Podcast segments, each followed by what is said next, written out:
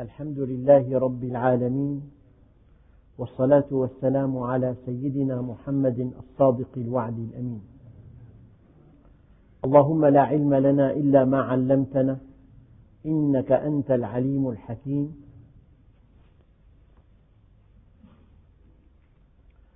اللهم علمنا ما ينفعنا وانفعنا بما علمتنا وزدنا علما وأرنا الحق حقا وارزقنا اتباعه. وأرنا الباطل باطلا وارزقنا اجتنابه واجعلنا ممن يستمعون القول فيتبعون أحسنه وأدخلنا برحمتك في عبادك الصالحين.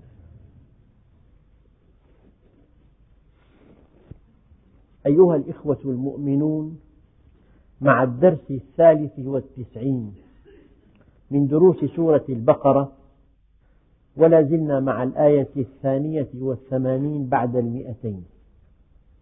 وصلنا في الدرس الماضي إلى قوله تعالى واستشهدوا شهدين من رجالكم فإن لم يكونا رجلين فرجل وامرأتان ممن ترضون من الشهداء أن تضل إحداهما فتذكر إحداهما الأخرى ولا يأبى الشهداء إذا ما دعوا. ولا تسأموا أن تكتبوه صغيرا أو كبيرا إلى أجله ذلكم أقسط عند الله وأقوم للشهادة وأدنى ألا ترتابوا إلا. وصلنا إلى هنا. إلا أن تكون تجارة حاضرة تديرونها بينكم. التجارة أساسها البيان والمقابضة. من أين يأتي النزاع؟ إذا في بالبيان خطأ. كما قال عليه الصلاة والسلام الجهالة تفضي إلى المنازعة. فالتاجر الصادق المؤمن يبين كل شيء. لا يخفي عيبا ولا يخفي أجلا ولا يخفي سعرا. وما من مشكلة نشأت بين التجار إلا بسبب الجهالة والبيان يطرد الشيطان. إلا أن تكون تجارة حاضرة. التجارة الحاضرة أساسها التقابض البائع يقبض الثمن والشاري يقبض البضاعة. تقابض فعل مشاركة. فلا بد من القبض ولا بد من الإيجاب والقبول. يقول له بعتك يقول له قد اشتريت. صار في إيجاب وصار في قبول وصار في بيان. والحديث عن التجارة حديث طويل جدا. هناك خيار الشرط هناك خيار العيب هناك خيار الزمن. على كل في دروس أخرى إن شاء الله في دروس الفقه. لا بد من حديث طويل عن عن التجارة. هنا بشكل مختصر التجارة الحاضرة أساسها البيان وأساسها التقابض. فما دام في تقابض التاجر قبض الثمن والشاري قبض البضاعة. ما في داعي للكتابة؟ إلا أن تكون تجارة حاضرة تديرونها بينكم.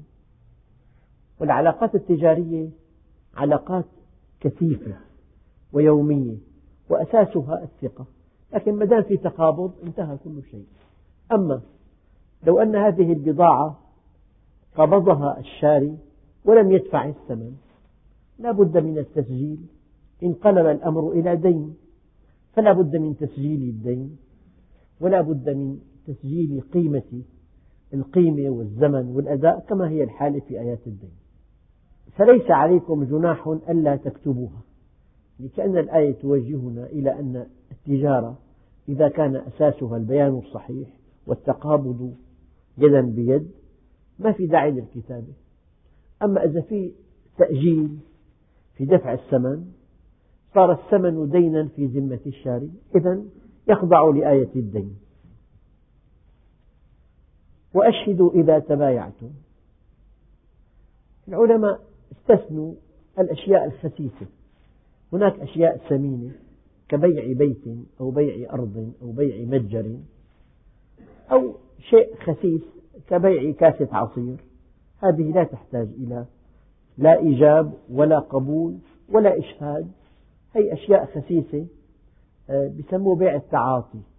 أعطيته خمس ليرات أعطاك كأس شراب شربته ومشي. وأشهدوا إذا تبايعتم في الأشياء الثمينة العلماء وجهوها. أما الوقفة الدقيقة ولا يضار كاتب ولا شهيد. الكاتب لا ينبغي أن يكتب أكثر مما أملي عليه ولا أقل. وهناك من يستغل أمية المملي فيكتب زيادة أو أقل. والشاهد ينبغي ألا يشهد لا زيادة ولا نقصان. فإن كتب الكاتب أكثر أو أقل أو شهد الشاهد أكثر أو أقل فقد أضر بالحق وضلل القاضي ولا يضار كاتب ولا شهيد. المعنى الثاني من معاني ولا يضار كاتب ولا شهيد أي أن هذا الشاهد ينبغي ألا تحرجه في وقت هو عنده ثمين جدا. يعني إنسان في عنده عمل أساسي. تقول له الآن ينبغي أن تذهب معي إلى القاضي. ينبغي أن تكون واقعيا. فإذا كان هناك مجال لتأجيل الشهادة ليوم آخر لا تكن سببا في إيذاء هذا الشاهد لأن الشاهد مكلف أن يشهد. ولا يأبى الشهداء إذا ما دعوا. ما دام قد كلف أن يشهد لا ينبغي أن تضره في وقت لا يناسبه.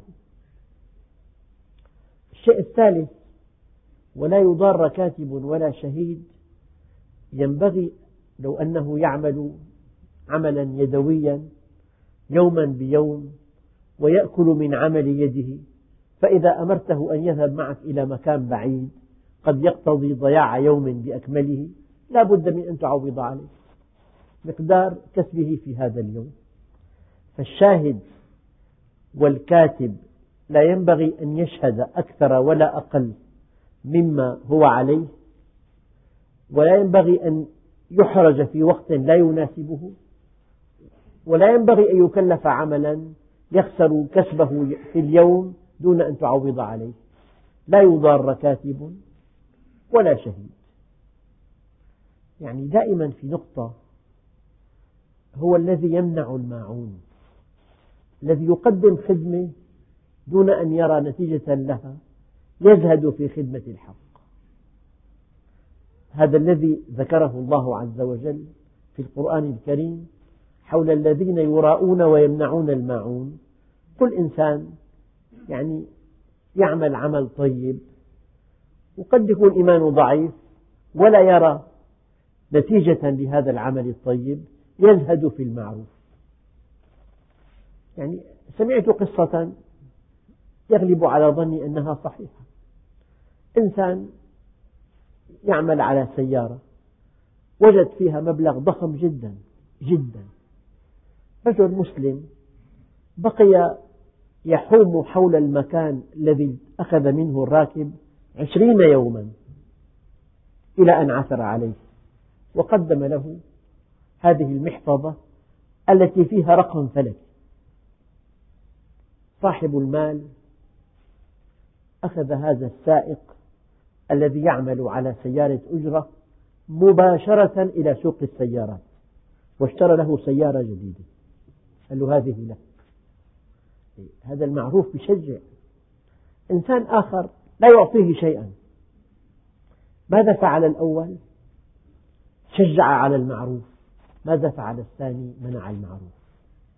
طبعا المؤمن يجب أن يرد اللقيطة إلى صاحبها. أخذ أو لم يأخذ. قدر أو لم يقدر هذا هو الحق. أما أنت حينما تكرم هذا الذي جاء جاءك بهذا المبلغ الكبير وبحث عنك عشرين يوما وسلمك إياه عدا ونقدا يقول هذا السائق قال والله مباشرة أخذني إلى سوق السيارات واشترى لي سيارة جديدة أصبحت ملكي. نظير هذه الأمانة فأنت كلما وجدت عمل صالح يجب أن تشجع صاحبه. أن تثني عليه. أن تكافئه عليه. حتى يترسخ الخير في المجتمع. فلذلك شاهد عطلت له وقته. وجعلته بلا عمل طوال اليوم. وبعد أن انتهى شكرا. أنت أضررته. أو بقول له جزاك الله خيرا. هذه لا تكفي. يقول عليه الصلاة والسلام من أسدى إليكم معروفا فكافئوه. فإن لم تجدوا فادعوا الله حتى تعلموا أنكم قد كافأتموه. هذه جزاك الله خيرا. يمكن أن تكون إن كنت لا تستطيع أن تفعل شيئا. إنسان أقوى منك وأغنى منك خدمك خدمة. وأنت لا تستطيع أن ترد له هذه الخدمة. قلت له جزاك الله خيرا. هذا يدخل تحت قوله تعالى ولا يضار كاتب ولا شهيد. ينبغي للكاتب ألا يكتب زيادة عما أملي عليه. إن فعل أضر بالحق. وينبغي للشاهد ألا يشهد زيادة عما رأى. وإلا أضر بالحق. وينبغي لطالب الشهادة وطالب الكتابة ألا يغبن هذا الشاهد وهذا الكاتب أن يعطيه حقه ولا يضار كاتب ولا شهيد. يجب له التعويض وألا تحرجه في وقت هو في أمس الحاجة إليه كما أن الكاتب والشهيد ينبغي ألا يغير معالم الحق لأن عدل ساعة يعدل أن تعبد الله ثمانين عاما. عدل ساعة. والله هو الحق. وقد أذكر دائما هذه القصة الرمزية أن حجرا عبد الله خمسين عاما ثم ضج بالشكوى إلى الله. قال يا رب لقد عبدتك خمسين عاما وتضعني في أس كنيف فقال الله عز وجل تأدب يا حجر إذ لم أجعلك في مجلس قاض ظالم. يعني الظلم يهتز له عرش الرحمن. أنت قد تجد إنسان بريء. وإنسان قوي يعني ألصق به تهمة هو منها بريء. وأنت شاهد وشهادتك مقبولة. والله أن تذهب مع هذا الإنسان المظلوم. وتشهد أمام القاضي وأن تقيم الحق أفضل من أن تعبد الله ثمانين عاما. لذلك مرة ذكرت لكم أنه عقب الحرب العالمية الثانية أحد زعماء بريطانيا سأل وزراءه عن أحوالهم فكانت أجوبتهم عجيبة. وزير الصناعة قال له المعامل كلها مهدمة محروقة. وزير الزراعة الحقول محروقة وزير المالية الخزائن فارغة. سأل وزير العدل قال كيف العد عندك يا فلان؟ قال بخير قال كلنا إذا بخير. يعني يجب أن نفهم أن القاضي قد يكون واحد منكم. كلمة قاضي يتوهم الإنسان أنه إنسان يعمل في القضاء. أنت كتاجر قاضي قد تشهد شهادة صحيحة بمشكلة تجارية. تدلي برأيك الصحيح. قد تستشار في موضوع في مجال الأسر وفي مجال التجارة في مجال الصناعة وكم من حق هضم لأن الناس امتنعوا عن أداء الشهادة. هذا سلوك سلوك إبليس. ما لنا علاقة نحن. أسلم.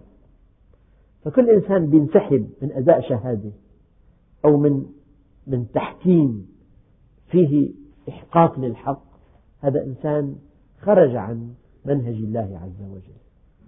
وإن تفعلوا يعني إن أضررتم بالشاهد والكاتب إن كلفتموه ما لا يطيق إن عطلتموه عن عمله إن أحرجتموه بوقت لا يناسبه أو إن هذا الكاتب إن زاد أو, أو نقص في شهادته أو كتابته قال وإن تفعلوا فإنه فسوق بكم. هذا من الفسق. واتقوا الله ويعلمكم الله والله بكل شيء عليم. الإنسان حينما يتقي الله أي حينما يستقيم على أمر الله يكون قريبا من الله. والله عز وجل نور السماوات والأرض. فإذا كنت قريبا منه نور قلبك بالحقيقة. أي إنسان له اتصال بالله قلبه منور. يرى الحق حقا والباطل باطلا. يرى الحقيقة الصارخة لا يؤخذ بالأشياء المزورة. يعني المؤمن من صفات المؤمن أنه يرى ما لا يراه الآخرون. يشعر بما لا يشعرون. في عنده حاسة سادسة نامية جدا. يعني هي يمكن أن تفسر بأن قلبه متصل بالله. ولأن الله نور السماوات والأرض. فقلبه منور بنور الله. عنده رؤية صحيحة وعنده حكمة في عنده موقف يعني مقبول موقف نظيف. وفي رأي ثاني لهذه الآية واتقوا الله. يعني أطيعوا الله. قفوا عند أمره ونهيه. التزموا كتابه وسنة نبيه. لأنه يعلمكم دائما. علمكم بخلقه. كل ما في الكون يدل عليه. علمكم بأفعاله. كل أفعاله تدل عليه. يعني من أيام هكذا سمعت إنسان من أهل العلم صالح أثناء قيادة مركبته يعني تأذى يعني مس مركبة أخرى. صاحب المركبة الثانية كان سفيها وأقذع له بالكلام وقسى عليه قسوة غير معقولة. هو يكتب ورقة ويسجل أنه أنا عنواني كذا وأنا تسببت في إيذاء هذه المركبة فصاحب المركبة سفيه جدا وتكلم كلام يعني قاسي جدا وبذيء جدا بحق هذا الإنسان الطيب. إيه؟ بعد أيام انتقم الله منه انتقاما شديدا. يعني الله يعلم بأفعاله يعلم بخلقه يعلم بكتابه. يعلمك بخلقه. كل شيء في الكون يدل عليه. مثلا الفتاة زودها الله بغشاء. فما دامت طاهرة عفيفة نقية هذا الغشاء يبقى إلى يوم الزواج. ليس له أي وظيفة فيزيولوجية إطلاقا. وظيفته اجتماعية أن هذه الفتاة لم يقربها إنسان من قبل. هذا من فعل الله عز وجل. يعلمكم الله عز وجل. يعلمنا في خلقه يعلمنا في أفعاله. يعلمنا بكلامه. قد يريك مناما مخيفا وأنت على وشك أن تفعل معصية كبيرة ويعلمك إذا يحذرك بهذا المنام. قد تلتقي بإنسان يعطيك موعظة بليغة وكأنه يعرف مشكلتك. هذا من تعليم الله لك. يعني الأنواع التي يعلم الله بها عباده لا تعد ولا تحصى فما دام الله يعلمنا من خلال خلقه ومن خلال كلامه ومن خلال أفعاله ومن خلال رسله ومن خلال أنبيائه ومن خلال العلماء الصادقين المخلصين العاملين وكل شيء في الكون يدل عليه. أنتم لم لا تطيعون الله عز وجل؟ أنا لا أحب أن نفهم هذه الآية على أن الإنسان إذا اتقى الله يعلم كل شيء من دون دراسة. هذا كلام فيه مبالغة كبيرة لأن النبي وحده يوحى إليه. فصفة الأمية في النبي وسام شرف له لأن الله يعلمه ولأن الله أراد أن يكون وعاء النبي طاهرا من ثقافات الأرض. فكل شيء ينطق به وحي يوحى وما ينطق عن الهوى إن هو إلا وحي يوحى. فكلمة النبي الأمي أعلى صفة. وعاء النبي طاهر من كل ثقافة أرضية. الله جل جلاله في عليائه تولى تعليمه. علمه شديد القوى أما غير النبي اللهم صل عليه. إذا قال لك أنا أمي والله وصمة عار بحقه. غير النبي ما في من يعلمه. الإله لا يعلم غير النبي. التعليم بالوحي. فإذا الإنسان ما إنما العلم بالتعلم. يعني أنا أريد ألا نفهم هذه الآية فهما ما أراده الله عز وجل. ما بقرأ أبدا ما بتعلم أبدا. أخي أنا بيجيني إلهام. أنا موصول بالله. أعرف كل شيء من دون دراسة. ماذا قال النبي عليه الصلاة والسلام؟ قال إنما العلم بالتعلم وإنما الحلم بالتحلم. وإنما الكرم بالتكرم. إنما قصر أداة قصر يعني طريق العلم الحصري هو التعلم. لكن بعد أن تعرف الأمر والنهي وتلتزم الأمر والنهي يعني من عمل بما علم الآن أورثه الله علم ما لم يعلم. إذا في إشراق هذا متى يكون؟ بعد أن تطلب العلم.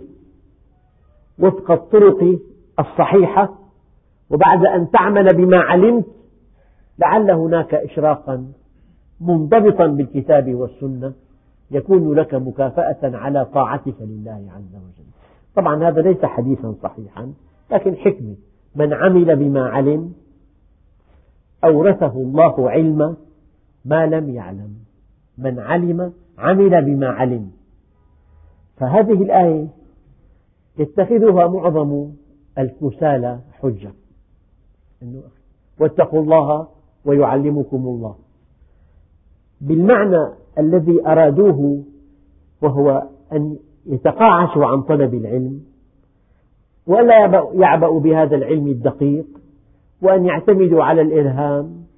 هذا المعنى ما أراده الله عز وجل. ولكن أنت حينما تتقي الله عز وجل تكون قريبا منه. فإذا كنت قريبا منه نور قلبك بالحقيقة لأن الله هو نور السماوات والأرض. هذا معنى. والمعنى الثاني أنت لم لا تطيع الله عز وجل؟ فهو يعلمك دائما. يعني في تعليم من الله لا ينتهي. يعني مثلا باخرة ادعى صانعوها أنها لا تغرق. أو أن القدر لا يستطيع إغراقها. فإغراق الباخرة درس من السماء للأرض. مركبة فضائية سموها المتحدي. يتحدون من؟ فبعد سبعين ثانية من إطلاقها أصبحت كتلة من اللهب. هذا درس من الله عز وجل. زلزال يعني مركز الزلزال يجب أن لا يبقى شيء على شيء.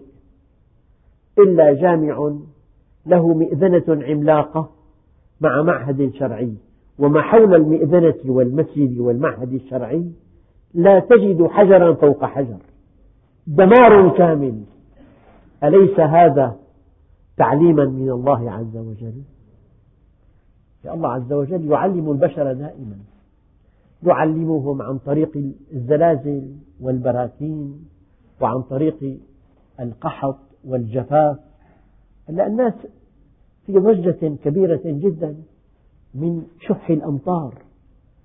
يجب أن نؤمن إيمانا يقينيا أن الله إذا قنن فتقنينه تقنين تأديب لا تقنين عجز. وإن من شيء إلا عندنا خزائنه ما ننزله إلا بقدر معلوم. شيء دقيق أيها الإخوة مرة قرأت أن مرصدا عملاقا اكتشف سحابة في الفضاء الخارجي سحابة. يمكن أن تملأ محيطات الأرض مجتمعة ستين مرة في الأربع وعشرين ساعة بمياه عذبة. الله قادر بأي مكان يصير تهطال ألفين مليمتر خمسة آلاف مليمتر. بل إن من دلائل نبوة النبي عليه الصلاة والسلام أنه قال مرة ما عام بأمطر من عام. بعد تقدم العلم صار بكل بلد في مقاييس للأمطار بالقطر الواحد في 500 مقياس أو أكثر على مستوى الأقضية. ثم وجد أن كمية التهطال في العالم لا تزيد ولا تنقص. إلا أنها تتوزع كل عام توزيع معين. منطقة فيها فيضانات منطقة فيها جفاف. لأن الله تولى تأديبنا بأرزاقنا وصحتنا. ثبت لنا ملايين الأشياء. خصائص المعادن ثابتة. إنسان اشترى سبيكة ذهب تبقى سبيكة ذهب هي نعمة كبرى. لو وجدها بعد أيام نحاس ثمنها خمسمائة ألف. خصائص المعادن ثابتة. خصائص البذور ثابتة. دورة الأفلاك ثابتة. لو ذهبت تتتبع الأشياء الثابتة ترسيخا للنظام وتطمينا للإنسان وجدت الأشياء الثابتة لا تعد ولا تحصى. هذا كله رحمة بالإنسان. ولكن الله لحكمة بالغة بالغة حرك شيئين. حرك الصحة وحرك الرزق. فإذا جاءت الأمطار كان الرزق الوفير. وإذا خفت الأمطار كان الخطر الوبيل. قل أرأيتم إن أصبح ماؤكم غورا فمن يأتيكم بماء معين؟ فالله جل جلاله يؤدبنا. لذلك ولو أنهم استقاموا على الطريقة لأسقيناهم ماء غدقا لنفتنهم فيه. ولو أن أهل القرى آمنوا واتقوا لفتحنا عليهم بركات من السماء والأرض. ولو أنهم أقاموا التوراة والإنجيل وقياسا عليه القرآن لأكلوا من فوقهم ومن تحت أرجلهم. يعني إلى سنوات لا تزيد عن عشر سنوات. بالغوطة عشر أمتار في ماء. عشر أمتار. خمس أمتار. الآن 300 متر ما في ماء. ما في ماء. حدثني أخ قال لي حفرت 400 متر بمكان ما في ماء. يعني إن أصبح ماؤكم غورا فمن يأتيكم بماء معين؟ ما قيمة الأبنية؟ والله ما لها قيمة. ما قيمة المزارع؟ ما قيمة هذه البيوت الفخمة؟ يعني منطقة بأكملها أسعارها هبطت إلى الثلث لشح المياه فيها. ما لها قيمة المزرعة؟ من دون مياه. فالله عز وجل يقنن تقنين تأديب والإنسان لا بد له من أن يصطلح مع الله. واتقوا الله ويعلمكم الله. واتقوا الله ويعلمكم الله. يعني هي الآية أساسية. يمكن أكثر الدعاة أكثر المؤمنين يذكرونها آلاف المرات. واتقوا الله ويعلمكم الله. لكن أريد ألا تفهم على الشكل التالي. أنه لا تدرس لا تتعلم لا تفهم القرآن لا تحضر مجلس علم. أنت بتوهم الإنسان الجاهل أنه باتصاله بالله يعرف كل شيء. هذه للأنبياء وليست لنا. الأنبياء يأتيهم الوحي علمه شديد القوى أما غير الأنبياء إنما العلم بالتعلم. لا بد من أن تطلب, تطلب العلم. لكن إن طلبت العلم وعملت به هناك مكافأة إشراقية. قد يكون في قلبك نور ترى به الحق من الباطل وهذا مؤيد بقوله تعالى يا أيها الذين آمنوا اتقوا الله وآمنوا برسوله يؤتكم كفلين من رحمته ويجعل لكم نورا تمشون به. يا أيها الذين آمنوا إن تتقوا الله يجعل لكم فرقانا. يعني صفاء الآن في تعبير حديث شفافية يعني النبي عليه الصلاة والسلام دخل إلى بستان رأى فيه جملا. فلما رآه الجمل رأى النبي حن وذرفت عيناه. فجاء إليه النبي ومسح ذفرين وقال من صاحب هذا الجمال؟ فجيء له بفتى من الأنصار. قال يا أيها الفتى ألا تتق الله بهذه البهيمة التي ملكك الله إياها؟ فإنه شكى إلي أنك تجيعه وتذئبه. هذه شفافية. قال عليه الصلاة والسلام أعرف حجرا بمكة. كان يسلم علي وأسلم عليه. النخلة التي كان يخطب عليها حنت إليه. هذه شفافية. فالمؤمن الله عز وجل يكرمه بإشراق. بنور في قلبه برؤية صافية بفراسة صادقة. هذه لا تغني عن طلب العلم. المعنى الأول اتقوا الله. إن اتقيتم الله عز وجل كنتم قريبين منه. هو نور السماوات والأرض يلقي في قلبكم النور. إذا اتقيت الله عز وجل قذف في قلبك النور. والمعنى الثاني لم لا تتقوا الله؟ وهو يعلمكم دائما بخلقه وبأفعاله وبكلامه وبأنبيائه ورسله. طرق التعليم التي نتعلمها من ربنا لا تنتهي.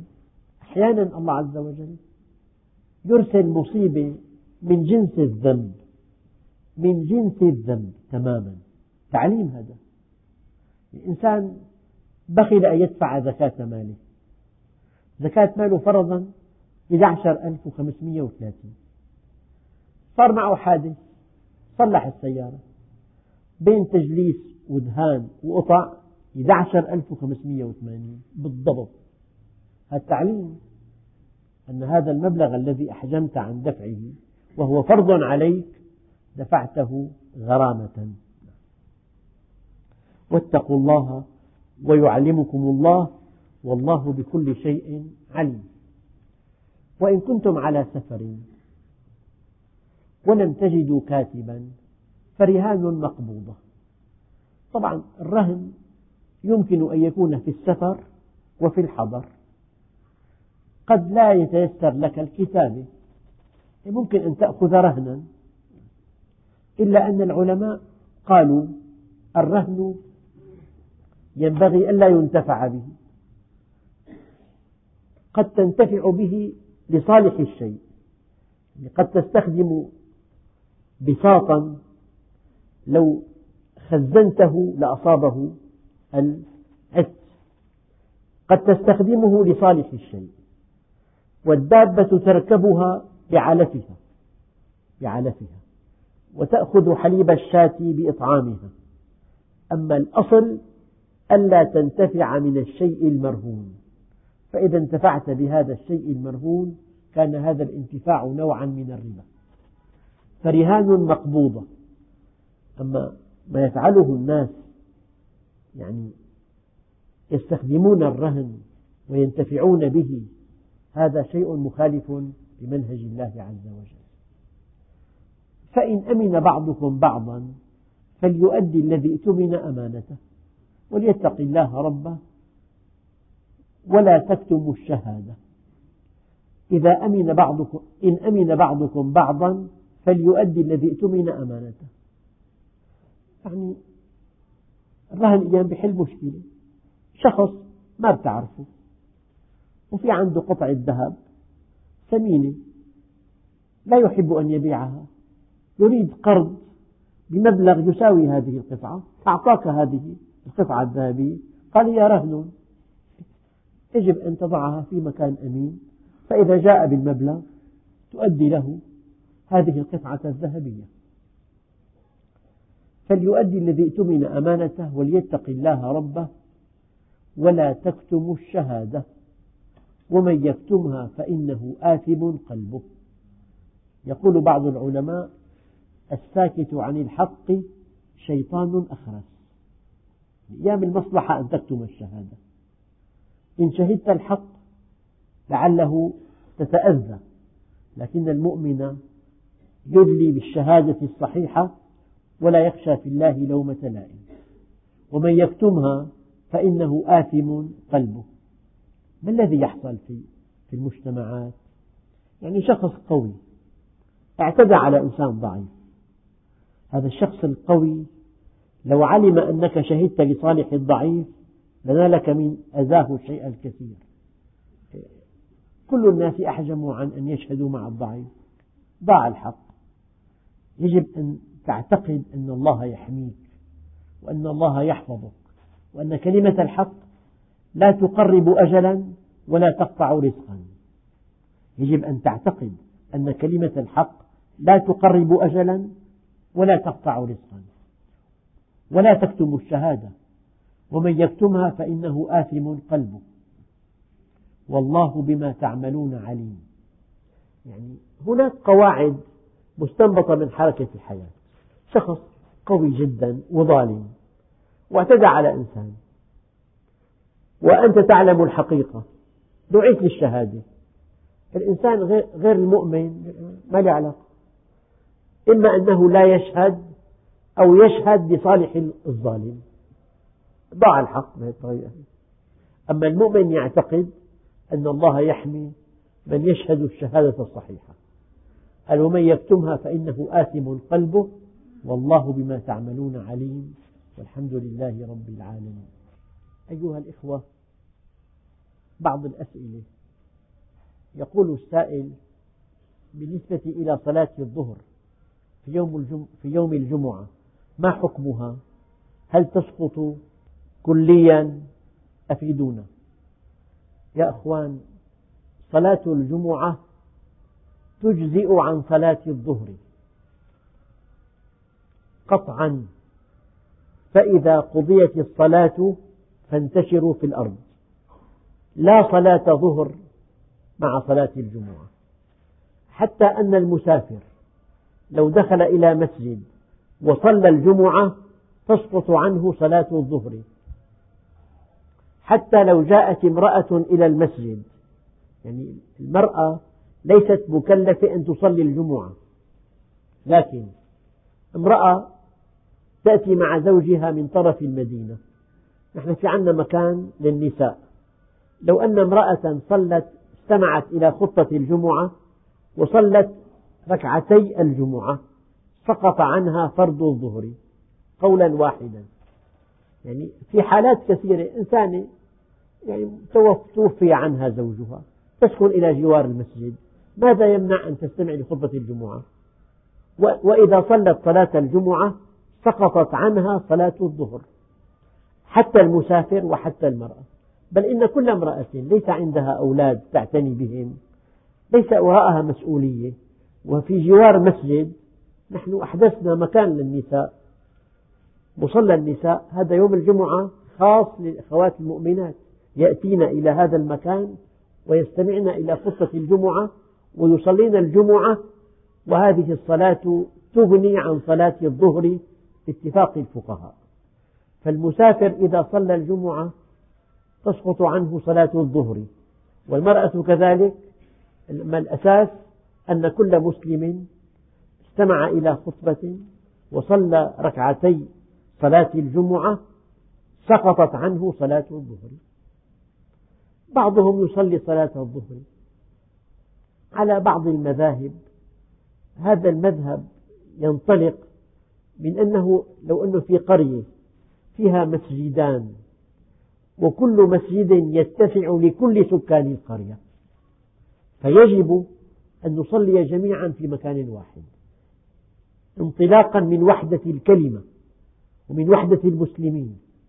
فلو توزع المصلون أهل هذه القرية بين مسجدين الجمعة لمن سبق والذين صلوا في المسجد الآخر وتأخروا عن الأولين عليهم أن يصلوا الظهر. هذا الشيء الآن غير موجود. ما في جامع في دمشق يتسع لكل سكان دمشق.